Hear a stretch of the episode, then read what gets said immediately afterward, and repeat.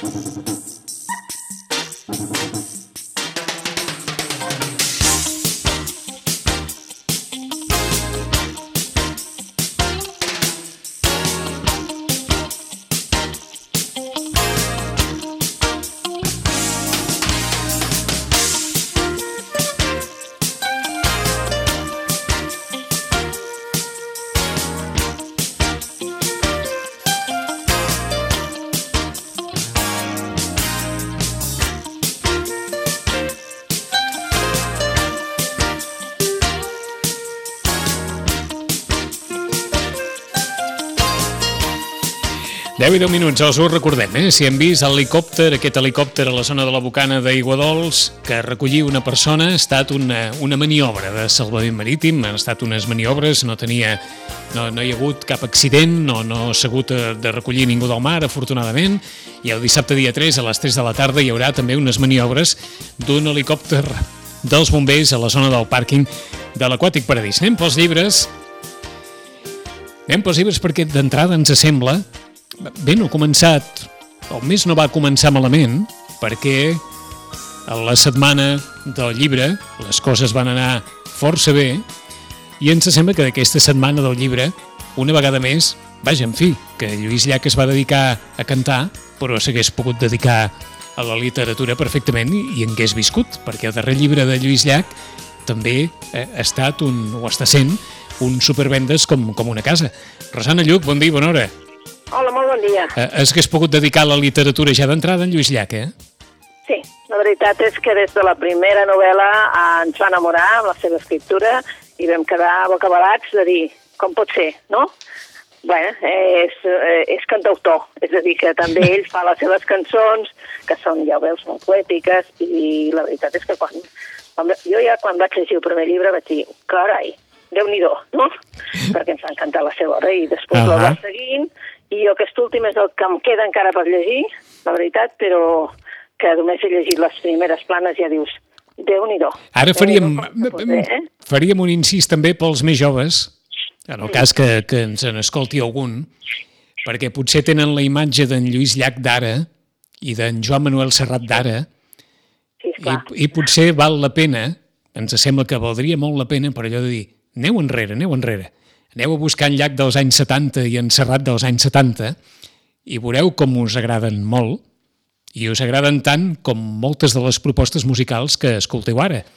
Perquè en aquella època en què hi havia veritables defensors i detractors de, de llac i de Serrat, tant un com l'altre feien cançons absolutament extraordinàries que, que han passat a la història i ara també les tenim, com passa amb tants altres autors, una mica raconades i, sí, la veritat és, sí, tens tota la raó, I... a més a més som bueno, els d'una certa generació, doncs els de seguíem ja quan, quan, quan començaven a cantar i mm -hmm. aquelles, feien aquelles Bueno, Ho dic perquè, eh, eh, eh, així com, com, eh?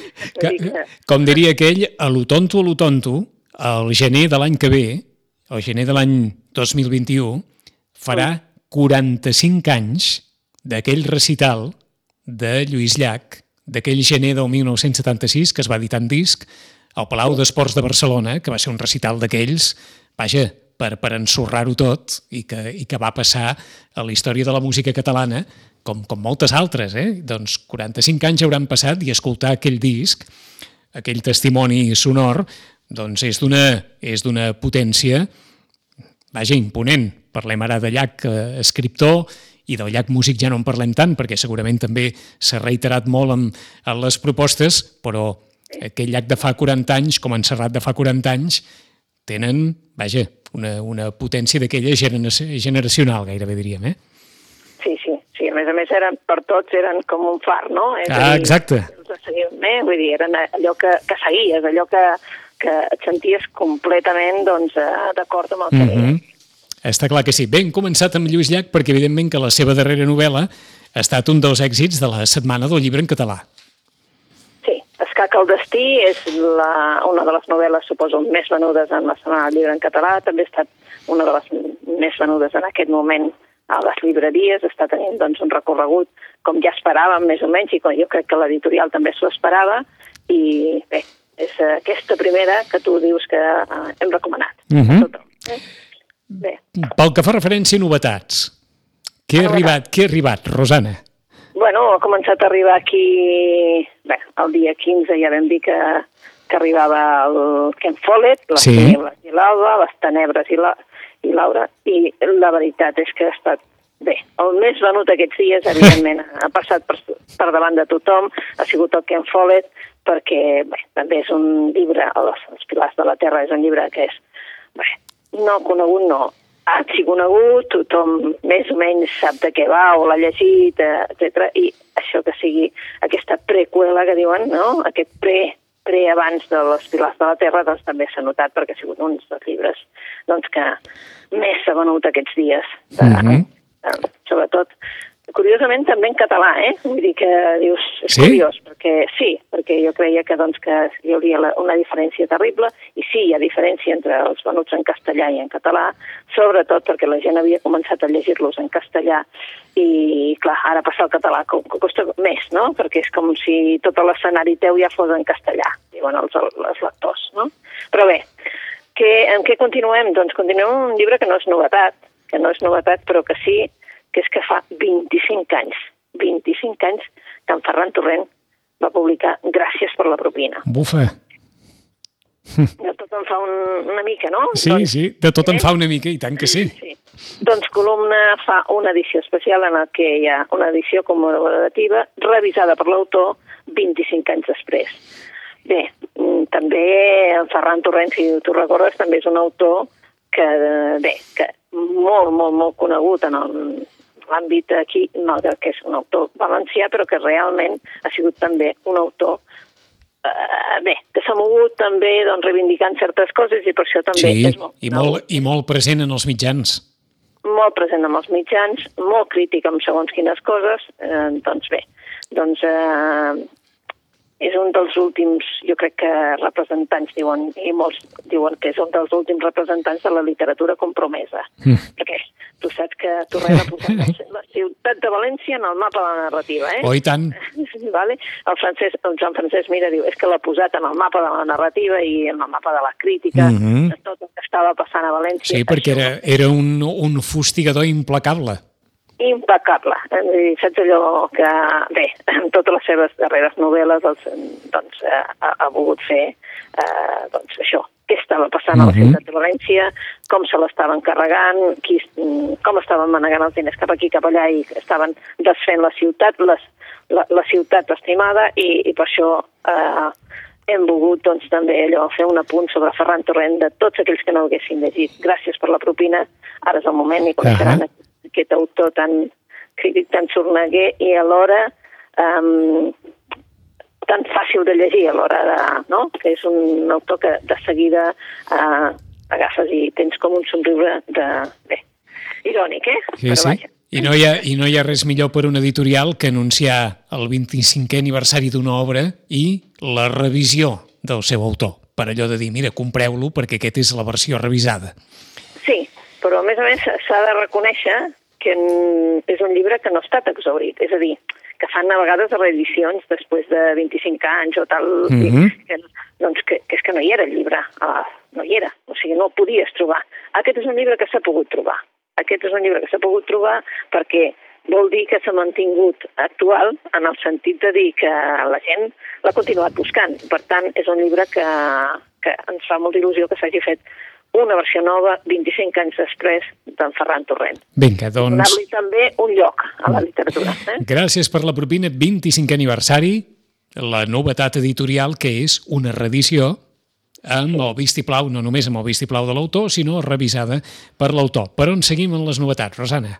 Bueno, seguim per una autora, que, una autora que és aquí a Barcelona, que és una autora prou coneguda, però escriu en castellà, i que és l'Alicia Jiménez Barlet. Vale? Si recordes, té un personatge que Mhm. és mm, un d'una sèrie de novel·les que és la Petra Delicado, eh? i aquest és un cas de la, el nou cas de la Petra Delicado, però en aquesta vegada és ella mateixa el cas. Eh? És una és una comissària, la Petra Delicado, que fins i tot se'n van fer una sèrie a la televisió. Sí, que protagonitzava Anna Belén, si no Anna recordo Belén, malament. Exacte, exacte. Doncs aquesta inspectora, eh, la Petra Delicado, decideix ara doncs, fer com un, una aturada, no? o sigui, es eh, posa distància en el seu dia a dia per recordar d'on ve, és a dir, per recordar el seu passat, eh? perquè vol doncs, d'alguna manera doncs, encarribar aquest futur que, que li ve en aquest moment. No? Um, repassa aquella vida, doncs, és com si fos una biografia d'un personatge, el personatge de la Petra Delicado, perquè no és una biografia ben bé, però és com si ella tornés cap al passat veiés qui ha estat, aquest, veiés aquella nena que era a l'escola, um, que li va tocar anar a una escola, evidentment, catòlica, una escola de monges, uh mhm. -huh. passant per, també per, per, aquesta, per la universitat, una universitat que es començava a moure en el moviment antifranquista, um, bé, que després es casa, que, que trenca amb tot i que és una de les primeres dones que, doncs, que, uh, que serà policia i per tant doncs, trenca una mica els motllos de l'època. Estem parlant de l'època. Eh? I ara doncs, l'Alicia Jiménez Barlet doncs, ha decidit doncs, posar-nos aquesta novel·la que es diu sin muertos. muertos. Perquè en real, eh? Sin muertos, perquè en realitat no. Eh? és que estava, estava llegint ara, per, perquè és clar, Alicia Jiménez Barret és una dona que ja té una hores de vol. Sí. I el, I el diari Vasco li fan una entrevista molt, molt entretinguda i la primera pregunta que, que li fan és si alguns lectors es sorprendran al veure que no hi ha cap crim per resoldre. I ella diu que, que sí que se sorprendran i probablement alguns es poden, es poden, vaja, poden sentir una sorpresa desagradable per, pels qui cerquin una novel·la policial clàssica, però diu que ella no enganya. La portada i el títol de, del llibre ja diuen el que passa, sin muertos, i fins i tot el periodista li pregunta una vez comentó en broma que quizá cerrara la serie haciendo que Petra se convirtiera en monja. Diu que no ho ha fet, però podent haver-la enviat un balneari a descansar, l'ha enviada a un convent perquè això és el que passa a la novel·la. Diu, I ella, l'autora, diu, crec que un convent ha d'estar molt bé per passar uns dies. Hi ha ordre i silenci, pots passejar i reflexionar. Em sembla una vida envejable, sobretot si tens creences, i si ets velleta, et cuiden. Això és el que comenta Alicia Jiménez Barlet amb, amb sornegueria, amb ironia, en aquesta entrevista, bé, l'entrevista a tothom, eh? perquè el llibre acaba de sortir, per tant, hi ha entrevistes a tots els mitjans, i ella contesta amb aquesta ironia gairebé, gairebé britànica, eh? però és una història sense morts, que quedi clar. Exacte, ja, ja, vull dir, ja ho diu el títol, no? Sin muertos, doncs vinga, sense morts. doncs Bé, és que tenim tantes novetats que passem a un altre, si et sembla. Vinga. Uh, un autor que també sonarà a tothom, però ja, ja avisem, no és novel·la, eh? és uh, Haruki Murakami. Eh? Bé, doncs Haruki Murakami, um, en Seiji Osawa, fan música, solo música. Per què? Perquè en realitat aquest llibre és un llibre de converses. És un llibre en el que uh, Murakami, si recordeu, va escriure el llibre de a part de totes les novel·les que són superconegudes, no? Sí. Vale? Kafka, la, Kafka a la platja, eh, és igual el Tokyo Blues o l'UQ 84, que com a més, eh?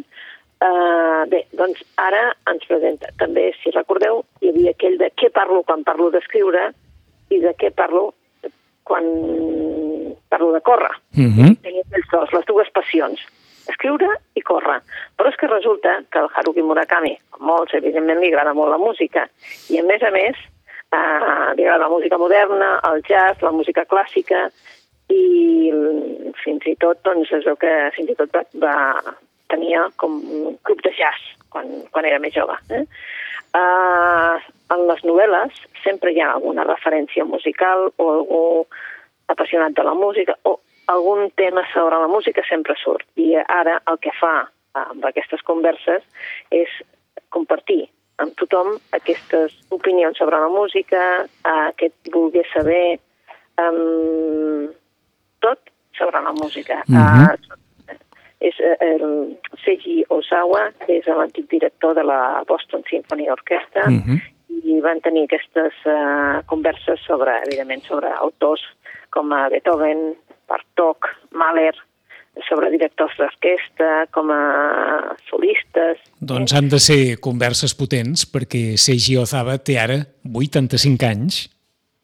Sí. Eh, Ha estat, sens dubte, el director japonès més conegut internacionalment al llarg del segle XX. Va ser deixeble de Karajan en el seu dia, va ser l'home que va dirigir el concert d'any nou de Viena l'any 2002, amb una forma de dirigir molt, molt vistosa, perquè, perquè osava dirigia a, part tenia un, a part d'un cert, un cert aspecte físic molt cridaner, amb una cavallera molt, molt, molt blanca i molt, molt gran, vaja, molt, molts el recorden per, aquesta, per, aquest, per aquest aspecte tan, tan de músic, de músic fins i tot així una mica, una mica boig, i ara és, òbviament, un dels directors veterans amb més trajectòria a la seva esquena i, per tant, una conversa amb algú com, com Murakami, sens dubte, als imants de la música els pot interessar molt. Música, solo música. música, eh? Per tant, un altre que tampoc no, eh, no t'enreda amb el títol, eh? No, no, sigui, està no hi- clar. Està clar, està clar. És un segon que ens està posant molt clar de què va la cosa. Eh? Bé, doncs, tenim un altre autor, un autor també que va ser Premi Llibreter, jo crec que en el 2005, 2006, um, i ara ens presenta uh, una... Bueno, és, eh, en aquella vegada ens, ens feia una novel·la deliciosa que es deia El port dels aromes. En aquest cas, el John Lanchester ens presenta una novel·la di diferent. Es diu El mur, eh, editat per l'univers um, en català i per anagrama en castellà. El mur. Mhm. Um, bé, doncs, uh, el mur. No us enganyeu, tampoc, veus, també l'he escollida perquè tampoc no enganyen, eh, en el títol, el mur. El mur és el que domina absolutament tota la novel·la, perquè tot passa en el mur. Eh? Um, eh, ens presenta un personatge, el Càbana. El Càbana comença una nova vida al mur. És un mur, un mur que rodeja tota una illa, vale? que ens podem imaginar quina illa, vale?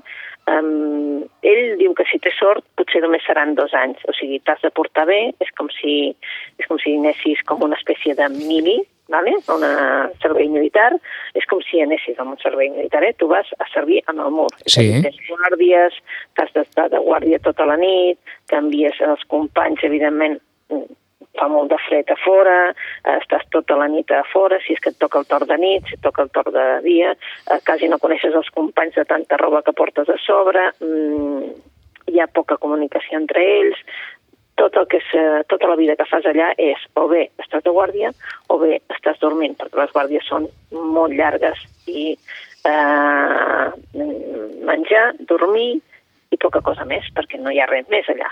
Eh, T'has de portar bé en el sentit de que, que no et passi res, perquè si no eh, estaràs més temps. Eh?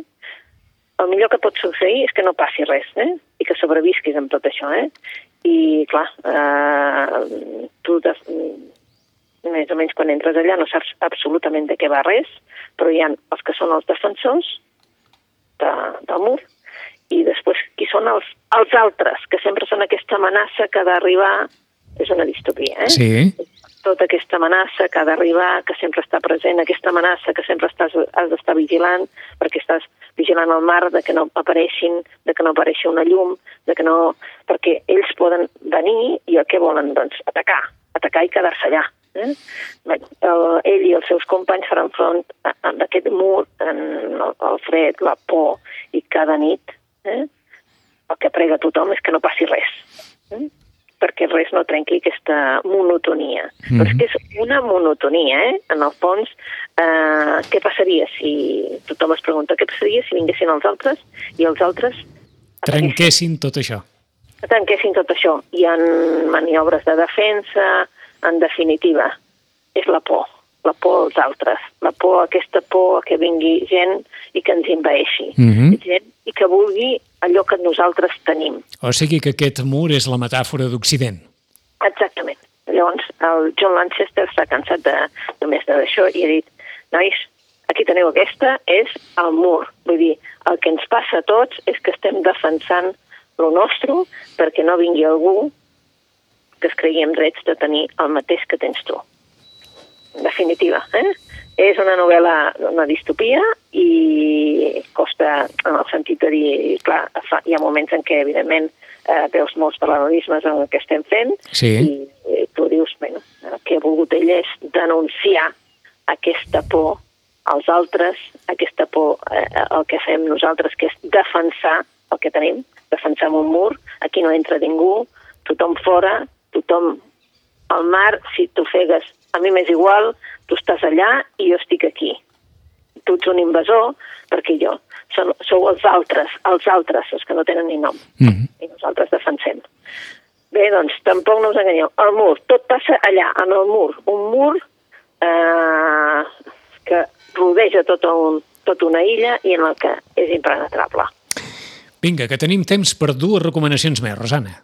Doncs vinga, dues recomanacions. Tenim, per exemple, eh, bé, una que us sonarà molt a l'autor perquè s'ha començat una sèrie de televisió, ahir a la nit va començar una sèrie de televisió sí. que és Pàtria, i el seu autor, l'autor de la novel·la, jo des d'aquí recomano que entenc que la, la sèrie està molt ben feta, però jo d'aquí recomano és que no us perdeu el llibre. Mm, Pàtria és molt més que, que una sèrie de televisió, malgrat que, que estigui molt ben feta, i Fernando Aramburu publica avui, ahir mateix doncs, la utilitat de les desgràcies i altres textos. Són textos, eh? Són textos en el que ell parla doncs, de, de la seva infantesa a, a Sant Sebastián, el, la memòria del dolor de 12 anys viscuts en el País Basc, eh, que ell va marxar, ell va marxar cap a Alemanya, es va casar uh -huh. a Alemanya, està vivint. Vivint, vivint allà, no? Em sembla que viu a, a, a Hannover, em sembla que viu. Sí, sí, sí, viu a sí. Alemanya des de fa moltíssims anys i llavors doncs, és una mica compartir doncs, això, um, des de lectures que ha fet ell, a passejos, a viatges, um, que se'n treu de llegir llibres, um, bé, són textos en el que doncs, veus l'Aramburu més, eh, més sensible o amb més eh, savi a l'hora de, de, de, de posar-te davant dels ulls coses que dius, ah, clar. Eh? Um, res a veure amb el tema polític ni, ni el tema de res. Eh? Mm -hmm. Vull dir que s'està agafant, jo penso, massa en el clau polític la, el pàtria i a mi això, doncs, bueno, a mi m'agrada la novel·la més que, més que agafar-ho així tant en clau política, absolutament tot. Eh? Que, que és difícil, eh? És, eh, és tan difícil en la novel·la com, com amb el serial de, sí. de, de televisió. Sí, però tant. que no oblidem que és una novel·la, per uh -huh. mi. Eh? Vull dir, clar, que passarà amb, amb moltes altres coses, eh? Vull dir, moltes altres llibres, jo dic, eh, eh, eh, que és una novel·la. que, que s'ho he inventat, s'ho he mm-hmm. inventat, que evidentment, evidentment, és això, igual que el mur, no? que tu dius, bueno, fem un paral·lelisme i tot això. Sí, sí, sí, però és que és una novel·la. Sí, sí, eh? igual que la sèrie de televisió és una adaptació de la novel·la. Una adaptació de la novel·la, eh? una adaptació mm, de la novel·la i ja està, però vaja. Això és el que tenim. Després tenim una reedició per als que els hi agradi molt la, la Siri Husbet. Sí. Eh? S'ha tornat a reeditar, que el llibre la gent em deia però és que si ho busques per internet això val un honor, val més de 200 dòlars el llibre, dic, ja, ja, però perquè no hi són, perquè, i a més a més cadascú que el busca, doncs ja saps que passa allò que es va pujar el preu, no? Doncs bé, La dona tremolosa, la història dels meus nervis, s'ha tornat a, a reeditar en castellà i ara, per primera vegada, en català, aquest assaig sobre la, sobre la Siri, en que parla d'una manera doncs, molt, molt dura, clar. És un, eh, la, la relació entre ment i cor, és a dir, entre el que ens passa, perquè ella ja ho diu, la història dels meus nervis, ella es posa ja com a, com a pacient, perquè, bé, mm, ella ha passat també les seves èpoques dures amb una malaltia i, per tant, ens ho vol explicar de que les malalties mentals s'han de curar i, i es curen uh -huh. i no passa res. Eh? Vol ser com a més, eh, més pla per tothom. Eh? Mirin, eh, mirin com el presenta edició 62 al llibre. Diu, mentre parlava en un homenatge dedicat al seu pare, mort dos anys abans, Siri Hasbet va començar a tremolar. Va poder acabar el discurs, tot i que els braços i els peus es movien sense que els pogués controlar. Els atacs es van repetir, aquesta és una crònica lúcida de la recerca d'un diagnòstic que va portar l'autor a endinsar-se en el món de la psiquiatria, la neurologia i la psicoanàlisi i a donar classes en tallers literaris per interns d'hospitals psiquiàtrics, un llibre que es nodreix de les vivències, les memòries, les investigacions i els interessos intel·lectuals d'una novel·lista excepcional, però com els dèiem, tot plegat va començar en un acte d'homenatge al seu pare, que havia mort dos anys abans, i l'autora va començar a tremolar sense capacitat de poder controlar aquest tremolor. I a partir d'aquí va estirar del fil i em va sortir aquest llibre, que com deia la Rosana estava esgotat, i ara en català i en castellà. La dona tremolosa. Ah, quines lectures més potents que ens has presentat avui? Sí, sí, sí, bueno, està sortint moltíssima cosa. Moltíssima, que, eh? Bueno, eh? Sí, que cal fer com també, a veure, aquesta és una tria, com n'hi ha moltes, vull dir, lo, lo bonic també és, no? Està Anar clar. mirant a veure què surt i, i què, te, què et pot agradar. Però Està sí. clar. Doncs Sí. anem a fer-ne un, un repàs en ràpid, eh, autors i títols. Va sortir el dia 15, diu la Rosana que s'està venent enormement, enormement. No sabem si, quan passi la pandèmia a Vitoria, tornaran a esperar els lectors de Ken Follett, perquè la preqüela de les tinieblas i l'alba és, millor dit, la preqüela de los pilares de la Tierra és les tinieblas i l'alba. Acabat de sortir i es ven enormement. 25è aniversari d'un clàssic de la literatura catalana contemporània o gràcies per la propina de Ferran Torrent, que es torna a editar amb motiu d'aquest 25è aniversari. Petra Delicado no estudia cap cas, sinó que estudia el seu interior, es mira ella mateixa en el mirall i a la seva història, a Sin Muertos, d'Alicia Jiménez Bartlett, l'autora, la mare de la inspectora Petra Delicado. De Haruki Murakami, autor també molt referent per, per a molta gent, una aproximació a la música. Música, sola música, converses amb Seiji Osawa, el veteraníssim i amb una trajectòria impecable director d'orquestra eh, japonès que ja té 85 anys i encara prou lucidesa per poder establir converses a l'entorn de músics i de música. De John Lanchester, aquesta metàfora sobre la situació que viu Occident, titulada El mur. De l'autor de Pàtria, Fernando Aramburu, acaba de sortir Textos, no novel·la, Textos, La utilidad de las desgracias i otros textos, i de Siri Hasbet, ho acabem de comentar, La dona tremolosa, la història dels meus nervis, explicada, evidentment, en pròpia carn. En 15 dies tornaran els llibres de la mà de la Rosana Lluc. Rosana, bona lectura. Molt bona lectura a vosaltres. Adéu-siau. Adéu.